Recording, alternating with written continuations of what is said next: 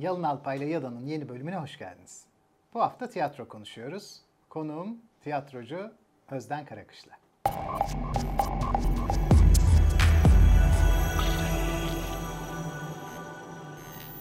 Özden hoş geldin. Nasılsın? Teşekkür ederim Yalıncım. Teşekkür ediyorum bir kere daha beni davet ettiğin Ne için. demek? Ben teşekkür ederim geldiğin için. Senin için aslında tiyatrocu dedim ama senin tabii birden fazla şapkan var. Hatta belki de daha köklü ve önemli olan reklamcılığın. Evet. Ama tiyatro senin hayatında en baştan beri bir özel yer kaplamıştı. Aynen. Şimdi de öze dönüyorsun. Üstelik diğer işleri bırakmadan. Evet, Ee, Sabancı Üniversitesi'nde de yine yöneticisin. evet. Ee, hepsi bir arada gidiyor. Gidiyor. Evet, evet. Harika gidiyor. Ee, evet yani tiyatro hakikaten e, benim hayatımda hep olan e, bir şeydi. Reklam sektöründe çalışırken tiyatroyla ilgilenemedim ama ne zaman bir oyuna gitsem e, sahnedeki bütün sanatçıları kıskanırdım. Yani ben onların yerinde olabilirdim diye. İşte rüyalarımda sahneye çıktığımı falan görürdüm. Böyle bir hani tutku, aşk, sevgi bir acayip hastalıklı bir şey oluyor ya. Ee, o böyle içimde hep bir kımıl kımıldı. İşte beş yıl önce e, işte özel eğitim aldım Sadri Alışık Akademi'de. Ee, Siba Hikaye Anlatıcılığı Merkezi'ni eğitimlerini bitirdim. Ee, Kumbaracı Elli vesaire böyle eğitimlerimi tamamladım. Ee, böyle bir profesyonel hayata girdim. Şimdi de tek kişilik oyununu oynuyorsun. Ee, Evet, tek Kadın kişi- dilinden masallar. Kadın dilinden masallar, evet. O benim göz bebeğim. Yani e, Sadri Alışık Akademi'de eğitim alırken gelişen bir projeydi. E, oradaki hocam Gökhan Erarslan'la birlikte bunu e, geliştirdik. E, geçenlerde işte paylaşıyorum sosyal medyada. Böyle yazarken kendi yazdığıma inanamadım. Beşinci sezonuna giriyor. Ee, böyle bir daha baktım e, hatamı yazıyorum seneleri böyle parmak yaptım falan. Ee, hem yıllar geçiyor hem de böyle kendimle hani aferin Özden dedim yani hani hakikaten 5 sezondur bir oyunu e, sürdürebilmek. Biz de ilgiyle takip ediyoruz evet seni. sağ olasın çok Özden, çok. tek kişilik bir oyun biraz korkutucu da geliyor insana. Evet. Düşün hiç hata yapma şansın yok. Her şey senin üzerinde. Bütün duyguyu sen vermek zorundasın. Bütün tansiyonu sen tutuyorsun. E bir de tiyatroda tabii işitsel olduğu kadar görsel de bir beklenti de var. Evet. E, tek kişi olduğunda özellikle dekorda minimalse her şey içeriye ve içerik sunucusunun onu nasıl biçimlendirdiğine yükleniyor. Burada zorlanıyor musun ya da şöyle diyelim takipçiler veya izleyiciler senden içerik odaklı bir şey mi bekliyorlar yoksa sen onunla uyumlu bir biçimde sunuyor musun o? Evet. Şimdi e, zorluğunu e, altını çizdin. Hakikaten bu benim için önemli. E, ilk oyun e, öncesi işte e, hocam, yönetmenim, çevremdeki tiyatrocu arkadaşlar herkes böyle hani müstesni gülüyordu. Tek kişilik oyun nasıl olacak? İşte her oyuncu bile bunu yapamaz. O performansı tutamaz diye. Ben canım ne olacak ya yaparız. Ne var bunda falan diye böyle bir cahil cesaretiyle kendimi sahneye attım. Fakat zaman içinde bir şeyleri öğrenmeye ve deneyimlemeye başladığın zaman eee, bu sefer daha tutuk oluyorsun. Yani eylemlerin daha ölçmeye başlıyorsun. İlk zamanlar ben hakikaten çok e, doğal, içimden geldiği gibi e, oynuyordum. Eee, dolayısıyla zorluk konusunda tamamıyla hani hakikaten şimdi e, eğer sakıncası yoksa söyleyeyim 23 Ocak'ta moda sahnesinde oyunum var. Geceleri rüyama giriyor. O dekor nasıl olacak, işte ışık nasıl e, düzenlenecek vesaire. Şimdi tabii interaktif bir oyun.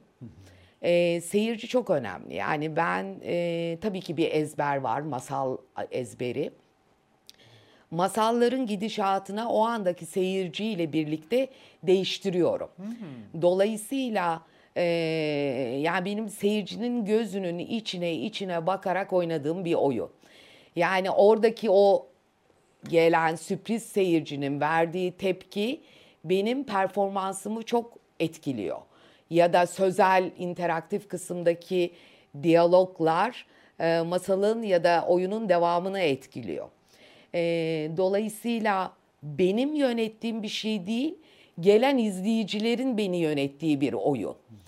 E, o, o işin enteresan kısmı. Yani e, her oyun sonrası başka bir oyun oluyor. Ee, İzleyiciyle işbirliği yapıyorsun. Kesinlikle. Yani böyle tiyatroda söylerler benim tabii çok onayladığım bir şey değil ama hani alkışçılar tutarlarmış ya eskiden oyunun belli şeylerinde hani tempo yükselsin falan diye. Ben anlıyorum zaten yani hani gelen insanlardan evet oradan bir şey gelecek ben oradan devam edeyim diye. Ee, dolayısıyla tabii ki bir kurgusu var tabii ki bir metin ezberim var bir şey fakat her oyun kendi içinde yeniden evriliyor, değişiyor, başka bir hal alıyor. Ee, mesela en son Fatih Kültür Merkezi'nde bir belediye işte e, kadının sözü var etkinliğinde e, oynadım.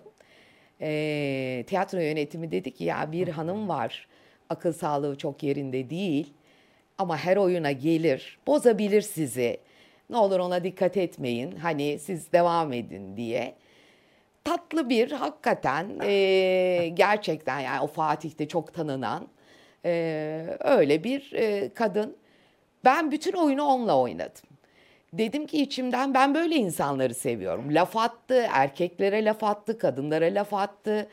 Ben ne desem karşı çıktı.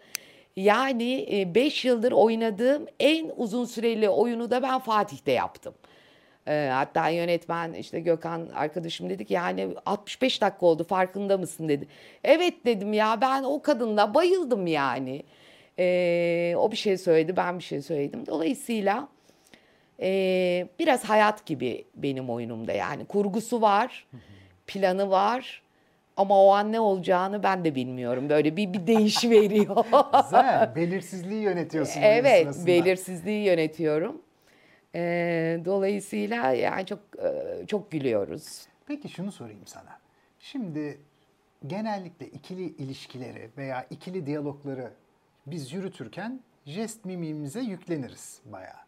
Fakat tiyatro sahnesinde jest mimik ön sıralar için görünebilir de arka sıra- sıralar için biraz görünemez. Evet. O hale dönüyor. Evet. Oradaki ilişkiyi sözcüklere yüklediğin anlamla mı bertaraf ediyorsun? Evet, e, yani görmeye çalışıyorum. Yani ışıklandırma hemen hemen sahne seyircisini açık tutuyoruz.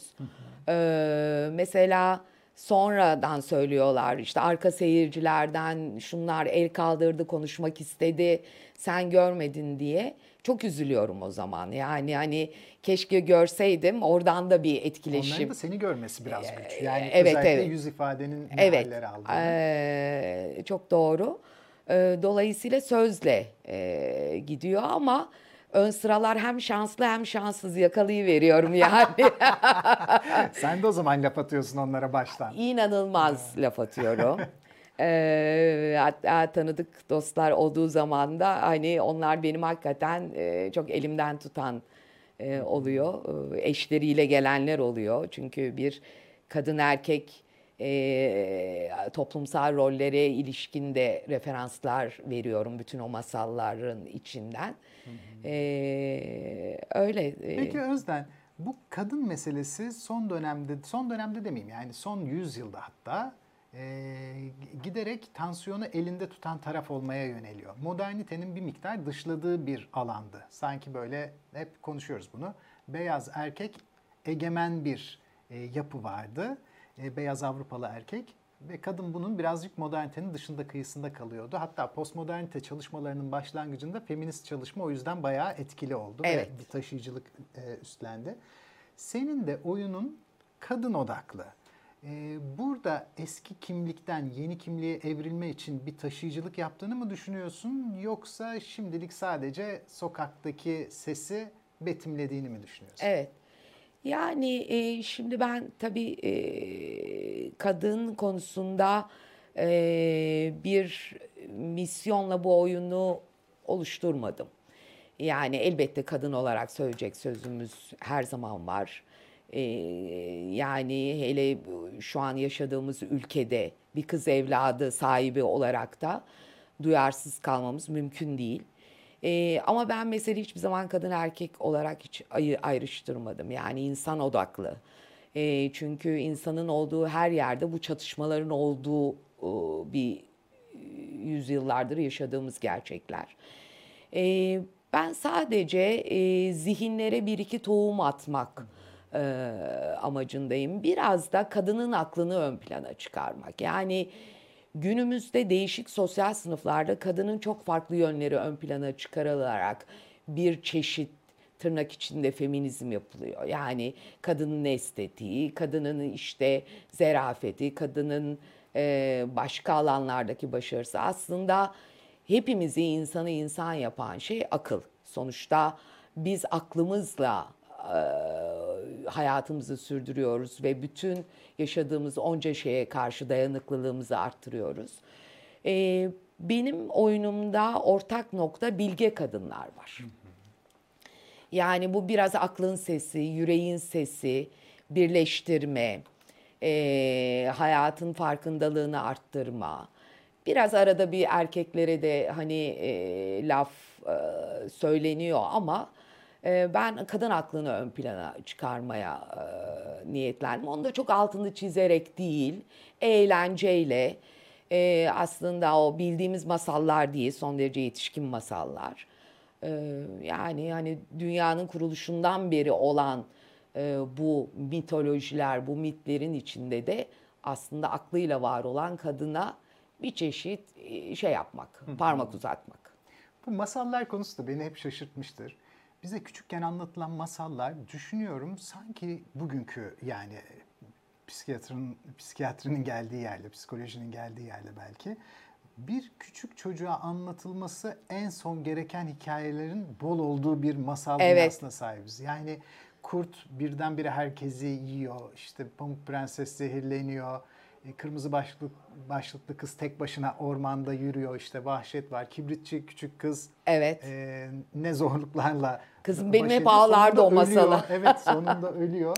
Çok böyle e, trajik, e, cinayetlerin olduğu, intiharların olduğu, ölümlerin, acıların olduğu çok böyle zorlu bir psikolojik evren sunuyor bize masal ve o masallar aracılığıyla biz bir, bir miktar kendimizi korteksimize yazdığımız şeylerle sınırlandırıyoruz ya da Evet. belki başka olanaklara yöneliyoruz.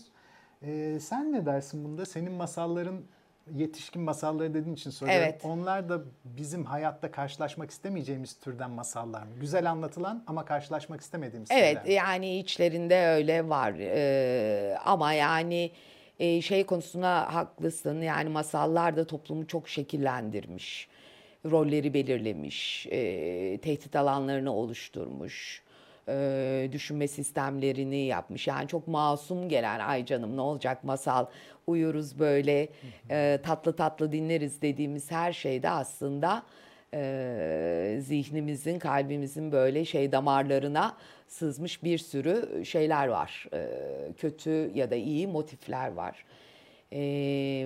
Evet benim masallarımda ben bu şeye çok dikkat ettim. Tabii ki çatışmalar var.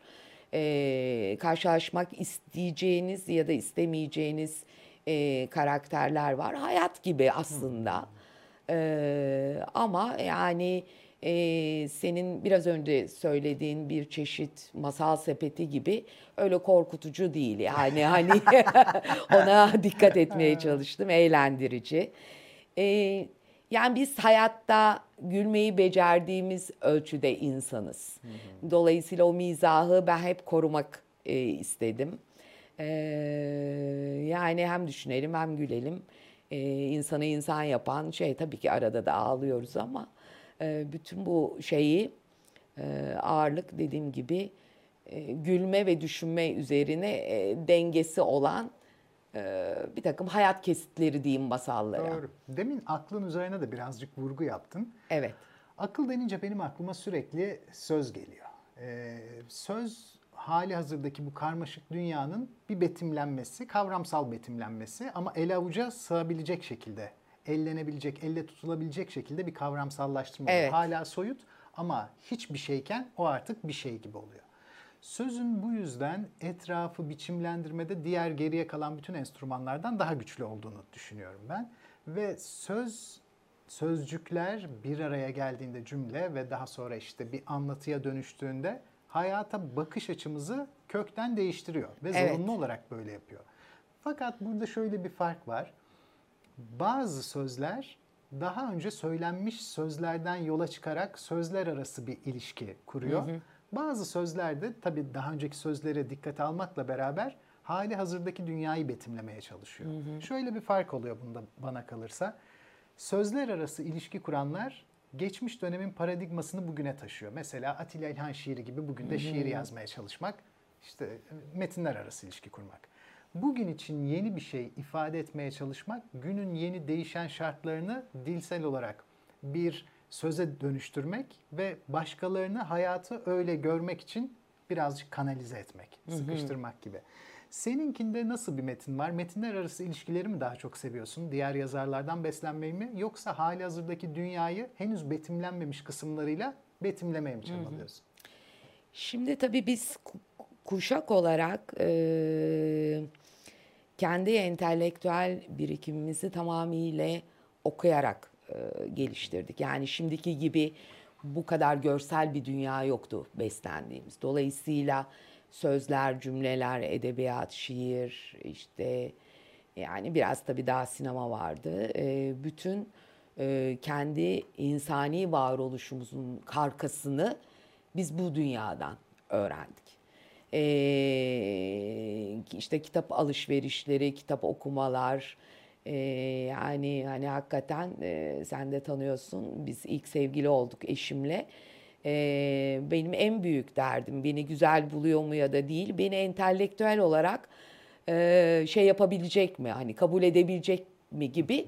E, 19 yaşında bir kızın böyle bir dertleri vardı yani. Şimdiki dünyaya baktığımız zaman aslında yani müthiş bir değişimle birlikte daha eylemlerin dünyası olduğunu düşünüyorum. Yani sözle birlikte söz artık arkadan geliyor. Yani görselliğin, eylemlerin, e, davranışlarının e, bir dünyası içindeyim. e, içindeyiz. Ben de bunu yeni öğreniyorum. Yani sözün o pasifliği, hayata yani bir anda hayatımızı hem zihinsel ve e, işte duygusal olarak belirleyen bir söz dünyası varken bir yandan da başka bir hayatı yaşıyorduk biz. Aslında ikisinin birbirine geçişini yaşıyoruz. Bence doğrusu o. Ben de bunu yeni yeni öğreniyorum. Yani e, dolayısıyla e, biraz yeni dünya düzenine e, acemi olmakla birlikte daha geliştirici ve daha geleceği tasarlayıcı buluyorum. Peki Özden, vaktimiz de azaldı ama böyle merak ettiğim bir konu var. Tek başına oynadığın bir oyunu 5 yıldır oynuyorsun. Aynı heyecanla oynuyor olmak için ya oyunun metninin değişiyor olması lazım ya da senin oyuna bakış açının değişiyor Evet. olması lazım. Bazen aynı metne çok farklı bakabiliyor insan. Sendeki gidişat nasıl oluyor? Valla ben şöyle söyleyeyim, 5 yıl boyunca her masalın içeriğinde yepyeni bir şey bulduğumu hissediyorum. Yani ilk zamanlar ezberim bozulmasın, kelime atlamayayım, aman oradan oraya onun geçişini unutmayayım diye. Şimdi çok içselleşmeye başladı ve vurgularım da başka yerlere doğru gidiyor. Ya benim hiç fark etmediğim bir şey varmış. Dur şurayı deşeyim diyorum. Yani e, böyle bir şey e, kendi içinde bir oyun kurdum diyeyim. Zihinsel bir oyun. Motivasyonumu yükseltmek için. Bir de biraz önce söylediğim gibi yani seyirci belirliyor. Yani her oyun bir farklı bir dünyaya götürüyor. Sürpriz oluyor e, o oyunla ilgili. E, bir de galiba ben hani artık bu e, şeyde çok rahat söyleyebilirim. E, ben e, seyirci insanı olduğumu anladım. Ben seviyorum yani. Mesela e, sen e, davet ettiğin zaman e, duymadın tabii mesajlaşırken çığlık attım. Ha. Yani hani yanının programına çıkacağım. Birileri beni izleyecek. iki ke- kelam laf edeceğim. E, bu hani çok kişisel bir şey. e, tatmin alanı benim için. E, tiyatroda öyle yani e, onun için e, ben içeriden bulurum o, o yaşatacak şeyleri. Sahne tozu doğru yani. Var var evet evet ben onu e, var ya diplerde çok şey var onları çıkarırım ben. Akademi de öyle biliyor musun? Yani Evet. e, bir amfide konuşurken hocanın konuşması, işte orada öğrencinin katılması ya da karşılıklı tartışma olması bence orası da bir sahne tozu Bu e, vesileyle e, Yavuz Selim Karakışlı Hoca'yı anmak isterim burada. Evet, E, e, senin sağ eşin, olasın. benim kıymetli hocam. Evet, e, sağ olasın dile getirdiğin için. Buradan selam söyleyelim. Evet. Çok da özledik onu. Ee, evet, Yavuz ailesinde biz ikimiz burada sohbet Evet, ediyoruz. Bizim tanışmamıza Ee, kendisi de çok sağladı. önemli bir kadın tarihçisiydi. Pek çok konunun tarihçisi olduğu gibi Evet, kadın e, evet. kadın emek tarihçisiydi. E, vaktimiz varsa bir cümle söyleyeyim. Tabii ki. Kızım e, tiyatro konusunda işte kadın e, oyunu vesaire e, ben uğraşıyorum. O bir türlü anlam veremiyor. Ee, bir gün onu Google'un Google'a dedim. Özden Karakış'la Yavuz Karakış'la yaz. Bak nerede buluşuyoruz biz internet aleminde dedim. Babasının bir dizi kadın üzerine yazdığı kitaplar. Yanına da annesi. Özden Karakış'la kadın dilinden masallar, kadın oyuncu. Bak dedim yani hayat bizi bir yerde babanla e, buluşturdu. Ondan beri böyle arkamdan çok büyük Doğru. Ben yüksek lisansta kadın tarihi dersi almıştım. Yavuz evet Hoca'dan. evet E, işçi tarihine bayılırdı. E, evet kadın emek tarihi- tarihçisiydi. evet. Aşağıdan tarihçiydi. Yani e, büyük siyasi olayların peşinde değildi. Gündelik hayatta geniş kitle nelere maruz kalıyor, neler Evet. yaşıyor onlara bakardı. E, hep belgelerle çalışırdı. Evet. E, çok öğrenci sever bir hocamızdı.